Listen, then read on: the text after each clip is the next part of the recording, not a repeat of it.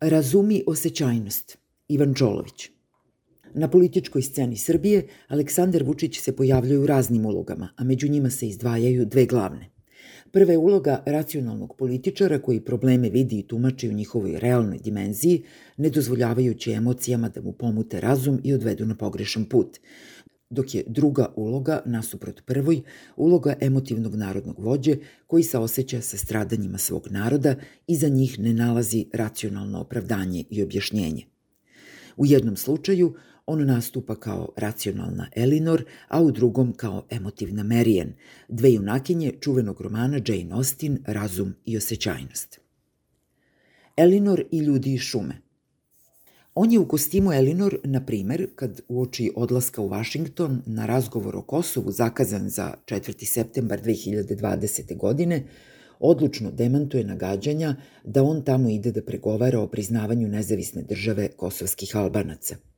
Dok sam pri svesti i dok racionalno mogu da razmišljam, rekao je on, taj film neće gledati.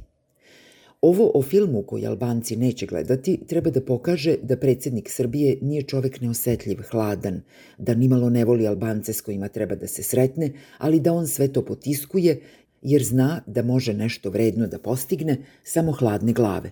U tom pogledu on verno interpretira lik Elinor, koja je u romanu Jane Austen oličenje razumom savladanih emocija. Bila je divna duša, nežne naravi i vrlo osjećajna – kaže narator ovog romana, samo što je ona osjećanjima umela da gospodari. Vučić je Elinor i u intervju koji je nedavno dao radiju Slobodna Evropa, u kome je svoj navodno racionalan i realan pristup pitanju odnosa Srbije prema Evropskoj uniji inovativno nazvao evrorealizmom i evroracionalizmom. Dakle, moji stavovi su uvek veoma racionalni i u nekim trenucima nekima optužuju za ne samo evrofiliju, već i za evrofanatizam a sa druge strane imate one koji me stalno optužuju za evroskepticizam. Ja mislim da je to evrorealizam i evroracionalizam i da sam stvari postavljao uvek na pristojan i pravedan način. Ne, nema kod njega nikakvih filija, nikakvih fanatizama, nikakve neopravdane sumnjičavosti i nepoverenja. Svega toga se on oslobodio da bi mogao da razumno procenjuje i odlučuje u korist Srbije i opšteg dobra. Međutim, kad igra Elinor, Vučić se često žali, pa tako i u ovom intervju, da nije shvaćen, da trpi neopravdane optužbe zbog svog opredeljenja za razumnu i realnu politiku, oslobođenju strasti i emocija. Zbog toga on ima problema i sa susedima i kod kuće. Mnoge dobre ideje ne može da sprovede u delo zato što oni sa kojima ima posla nisu racionalni i realni kao on, nego su ili ophrvani emocijama kojima je opterećeno njihovo kolektivno sećanje, što je slučaj sa srpskim narodom, ili nisu dostigli civilizacijski stepen razvoja na kome se prevazilaze politički efekti i primitivni impulsi agresivnosti i daje prednost razumu, što predstavlja problem kad Vučić mora da pregovara sa do političke racionalnosti nedoraslim ostalim kosovskim Albancima. Na primer, kad je Priština uvela taksu od 100 od 100 za robu iz Srbije, održana je sednica Saveta za nacionalnu bezbednost Srbije 21. novembra 2018. na kojoj Vučić rekao da je ta mera suprotna civilizacijskim normama, ali da će Srbija na to reagovati kako jednoj civilizovanoj zemlji dolikuje. Mi ćemo da reagujemo racionalno, mirno, ozbiljno i odgovorno. Problem kako se racionalno odnositi prema onima koji ne mogu da uzvrate na isti način ostao je nerešiv i kada je stigla vest da će necivilizacijske takse biti ukinute. Pokazalo se da vlast u Prištini okleva kako da te takse ukine, postepeno ili odjednom, što je bio razlog da Vučić rezignirano zaključi da se od njih nešto racionalno i ne može očekivati. Dobili smo informaciju, objasnio on u izjavi medijima, da se priprema ukidanje takse, da valjda pripremaju neke izlazne strategije, da u potpunosti ukinu neke vrlo loše odluke iz prethodnog perioda. Međutim, oni su uprkos tome doneli sasvim drugačije odluke i to pokazuje da ne možemo da računamo ni na kakve racionalne poteze u budućnosti, ni na kakvo racionalno ponašanje. S takvima Vučić u ulozi Razum odane Elinor ne može ništa da postigne, pa mu ne preostaje ništa drugo nego da o problemu s neracionalnim Albancima obavesti svet, ne sumnjajući da svetom, kao i njime samim, upravlja razum. Moraćemo, zaključuje on, da preduzimamo i raznovrsne mere kako bismo svet upoznali sa onim što se u Prištini čini, ali i da vidimo kako da pomognemo svom narodu na Kosovu i Metohiji. Nije trebalo dugo čekati da predsjednica srpske vlade Ana Brnabić Vučićevu gorku misao o nemogućnosti da se s vlastima u Prištini razgovara racionalno zbog njihovog fatalnog manjka racionalnosti i civilizovanosti, potkrepi jednom metaforom, nazvavši kosovske političare iracionalnim ljudima koji su izišli iz šume. Ono što mene najviše plaši, rekla ona, je što imate posla sa iracionalnim ljudima, najgorom vrstom populista, s ljudima koji jesu doslovno izišli iz šume. Neki od tih ljudi su teroristi koji nisu osuđeni, a bili su optuženi, bili su u Haškom tribunalu, nisu osuđeni samo zato što su svi svedoci pobijeni. I kako mi možemo znati šta će oni sutra učiniti? Njima je svejedno je li tamo rat ili nije. To je ono što mene plaši. Elinor i njen emotivni narod. Sa mnogo većim i važnijim problemima Vučić u ulozi razumne Elinor suočava se kod kuće. Ovde njegova politika nailazi na otpor srpskog naroda, čiji uzrok ovoga puta nije civilizacijska nedoraslost, nego teško breme kolektivnih emocija nagomilanih u toku poslednjih decenija srpskih stradanja na Kosovu i zbog Kosova, u Hrvatskoj i većini drugih susednih zemalja. Koliko je taj narodni otpor razumnom Vučiću jak, pokazao je unutrašnji dijalog o Kosovu, politička kampanja koju on pokrenuo pre tri godine kada je stupio na mesto predsednika Srbije 31. maja 2017. Zatražio je da se otvori široka javna rasprava o Kosovu, ali je naglasio da rasprava mora biti bez predrasuda i mitskog pristupa. Međutim, znao je da to neće biti lako. U autorskom članku objavljenom u listu Blic pod naslovom Zašto nam je potreban unutrašnji dijalog o Kosovu, on se požalio da njegov trud da se problemu Kosova pristupi racionalno, sa uvažavanjem realnosti, stalno nailazi na otpor, teško nalazi put do srpskog naroda. Nije zbog toga Vučić ljut na narod, jer je njemu samom teško da se oslobodi emotivnog odnosa prema stradanju Srba na Kosovu i zbog Kosova, posebno u ratovima 90-ih. Kad u ovom članku poziva narod da pokušamo da budemo realni, on i sebe nagovara na taj pokušaj. Stegnuo je srce, shvatio je i pozvao je srpski narod da shvati da je prepuštanje emocijama razlog što Srbima istorija nije do sada dala ništa osim krvi i ratova, ali da je došao trenutak da se u rešavanju problema Kosova i drugih aktualnih političkih problema krene novim putem, putem razuma koga srpski narod ima u izobilju, ali ne ume da ceni njegovu političku vrednost.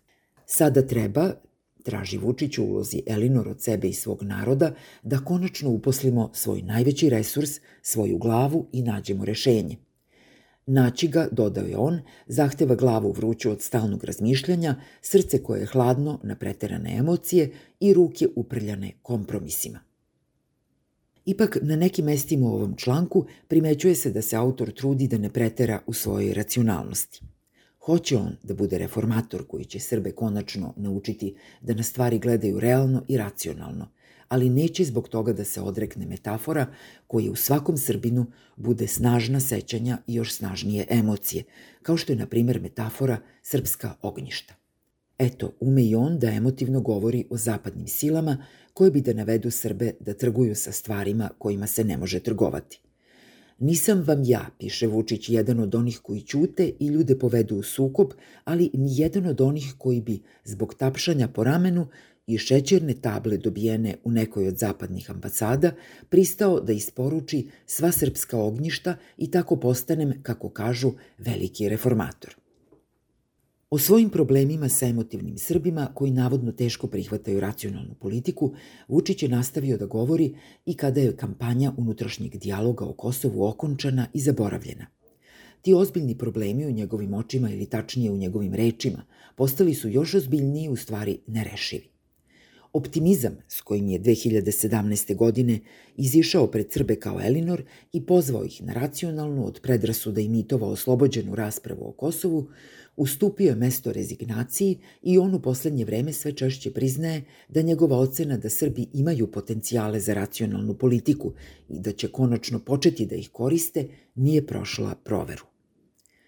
Pokazalo se da srpski narod ne voli kada se racionalno govori i da njegov dobronamerni vođa i prosvetitelj, predsednik Srbije, s time mora da se pomiri.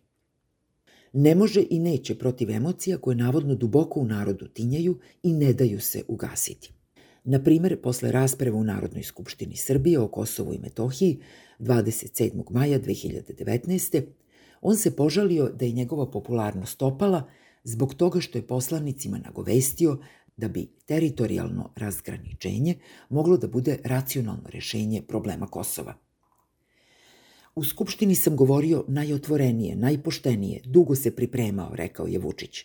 Borio sam se, trudio da kažem istinu narodu, da ne obmanjujem i ne lažem građane, jer je moj posao da vodim zemlju i da vodim računa o interesima Srbije i srpskog naroda.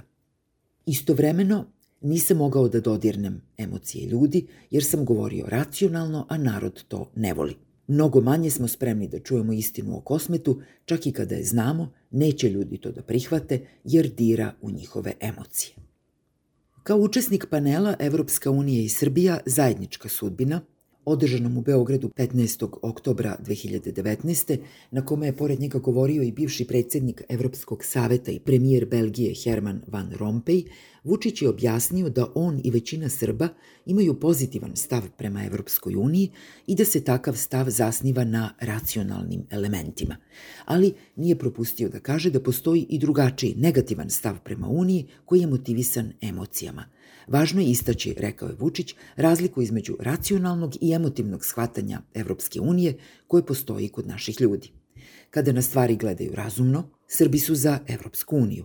Kada se prepuste osjećanjima, oni su protiv. Računaju da ima mnogo razloga da budu deo Unije, ali ih mnoga emotivna bolna sećanja na Evropsku uniju, na ulogu nekih njenih članica u ratovima 90-ih, od toga odvraćaju. Zbog toga, kad Srbima obrazlažete prednosti ulaska njihove države u Uniju i kažete, na primer, da ljudi u Poljskoj, članici Evropske unije, mnogo bolje žive nego oni u Ukrajini, koja nije članica, oni burno emotivno reaguju. Zašto? Zato što je za njih cena blagostanja koja ih čeka u Evropskoj uniji neprihvatljiva, zato što znaju da se od njih traži da priznaju da je ono što je u njihovim osjećanjima, u njihovom kolektivnom sećanju, samo srce Srbije odjednom postalo nekakva nezavisna država Kosovo. Na govor o dobrom životu u Uniji, objasnio je Vučić Van Rompeju, većina ljudi u Srbiji odmah bi rekla ne radi se o razlikama između Poljske i Ukrajine ili njihovom BDP-u, već se radi o Kosovu. Merijan na mostu u Sremskoj Rači. Kada se shvati da je srpski narod potpuno u vlasti svojih emocija, onda političar koji bi Srbe da izvede na put racionalnog i realnog sagledavanja položaja u kome se nalaze, mora od toga da odustane – i Vučić odustaje, povlači se, tobože nerado i neočekivano, kao čovek koji nije znao u kojoj meri je teško Srbe privesti razumu. Pokušao je, ali ne ide. Narod ne voli kad se racionalno govori. Međutim, njegov vođa nema razloga da žali što se njegova priča o srpskom razumu i osjećajnosti, ispričana iz ugla racionalne Elinor, završava pesimističkom poukom o nemoći razuma. Neće on zbog toga prestati da priča i sići sa scene. Nije to jedina politička priča koju on zna. Nije racionalna Elinor jedina njegova uloga. S istim, ako ne i s većim uspehom, nastupa on na srpskoj političkoj sceni i u ulozi njene emotivne sestre Marijan. Davno je to naučio. To je bila rola u kojoj se često pojavljivao na početku karijere – O tome, pored mnogih drugih primera, svedoči Vučićev govor iz 2000. godine, kojim u ime Šešelja i radikalne stranke, čiji je u to vreme bio funkcioner, odgovara kritičarima projekta Velike Srbije – Danas nam mnogi s podsmehom kažu, grmo je tada mladi Vučić, gde su vam danas Karloba Gogulin, Karlovac i Virovitica? To nam ova nesrpska fukara, ovi mučenici i jadnici, što onima koji su ovu zemlju bombardovali skute ljube i ljube im ruke, oni hoće da kažu gde ste vi danas radikali u tim srpskim mestima, kao da nikada Srbi nisu držali ni Karlovac, kao da i na samo nekoliko kilometara od Karlobaga i Virovitice nismo bili, kao da i danas nema preko 20% Srba u Ogulinu, kao da to nisu srpska mesta. Raduju se i sejre tome što su Ustaše okupirale srpsku zemlju i hoće i nas, srpske radikale, da ubede da to nije srpsko, da smo mi govorili gluposti, da mi nismo znali šta je naše, A mi ni tada ni danas nismo hteli i nećemo ništa što je tuđe. Hoćemo samo ono što je naše, srpsko. A to jesu i taj Karlobag, i Ogulin, i Karlovac, i Verovitica, i sve te srpske zemlje. I danas, kad oceni da treba da u svom srcu nađe i da u onima koji ga slušaju probudi emotivna sećanja na sve te srpske zemlje i na stradanje Srba u Hrvatskoj posle neuspešnog pokušaja nekih njihovih vođa da te zemlje budu oslobođene, Vučić iz garderobe uzima kostim, osjećaj nemerijen i izlazi pred publiku sav potresen. O tome svedoči njegov govor na obeležavanju 25 godina od masovnog egzodusa Srba iz Hrvatske za vreme i neposredno posle vojne operacije Oluja, kojom je okončano postojanje takozvane Republike Srpske krajine. Na mostu u Sremskoj Rači, preko koga su u avgustu 95. kolone Srba bežale iz Hrvatske, bila je postavljena prigodna scena. Automobili sa registarskim tablicama KNN, KNIN, traktori s prikolicama i u njima nabacane kućne stvari i deca i glumci u ulozi iz Hrvatske prognanih Srba. Posle prigodnog kulturno-umetničkog programa s pevanjem i recitovanjem, na improvizovanu scenu izašli su predsednik Republike Srpske Dodik i predsednik Srbije Vučić. Za ovu priliku Vučić je izabrao da govori kao narodni roditelji, koga su ojađeni Srbi dugo čekali i najzad dočekali. Oni sada imaju kome da pokažu svoje rane, svoje suze. Ponosan sam, rekao i on, jer srpska suza posle mnogo decenija ima roditelja. Njegovo roditeljsko razumevanje srpskoj suzi je utoliko potrebnije što za nju Evropa i svet nehaju. Narode srpski, obratio se Vučić u kostimu Merijen, deci i glumcima okupljenima na mostu u Sremskoj rači i preko njih svim neshvaćenim srpskim žrtvama. Ne zaboravi da danas više niko ni u Evropi, ni u svetu ne govori o stravičnom genocidu sprovedenom nad srpskim narodom u NDH. Ćuti se o tome, ali zato su Evropa i svet danas puni orkestriranih pokliča i kampanja o srpskom narodu kao jedinom krivcu za sve što se ikada zbivalo na području bivše Jugoslavije. Pre njega i Dodik govorio o genocidu, nazvao je operaciju Oluja završnim činom hrvatskog etničkog čišćenja i genocida nad Srbima u 20. veku.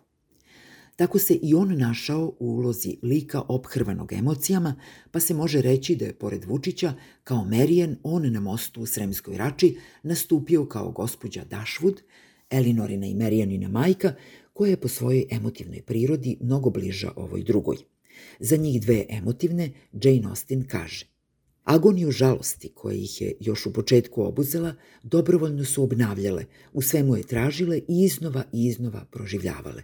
U potpunosti su se predale svome jadu, tražile očajanje u svakoj uspomeni koja je mogla da im ga pruži, rešene da doveka ostanu neutešne.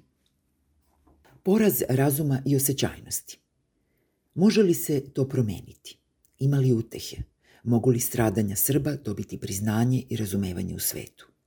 Da li je ovaj narod osuđen na nerazumevanje, pa mu jedino preostaje da se zatvori use i zajedno sa svojim brižnim političkim roditeljem liže rane, nadajući se da će se svet promeniti i prizvati pameti.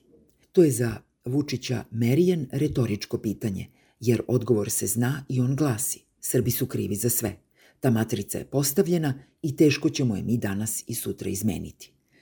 Umeđu vremenu ne sme prestati scensko prikazivanje nedužnih srpskih stradanja i trud da mladi saznaju šta je srpska istina i da se ne brinu što je ona relativna i u svetu nepriznata.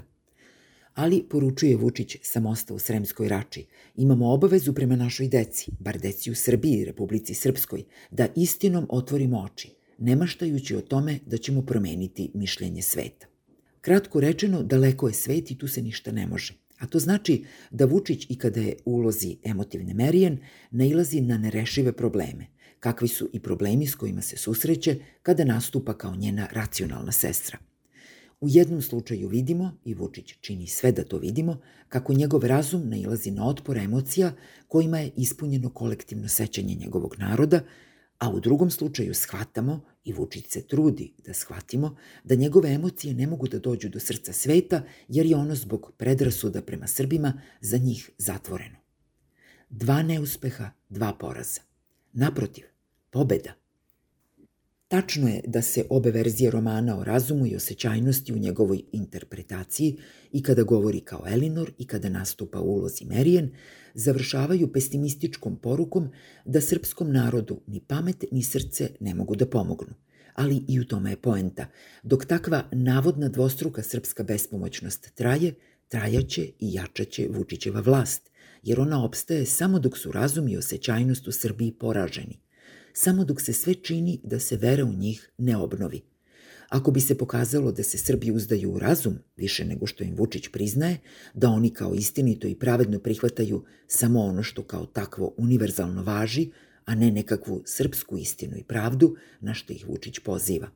Takođe, ako bi se pokazalo da za svoje radosti i tuge Srbi mogu da nađu razumevanje i u susedstvu i u svetu, ali ne i za zločine planirane i počinjene u njihovo ime, na političkoj pozornici Srbije ne bi bilo više Vučića i njemu sličnih, bar ne u glavnim ulogama.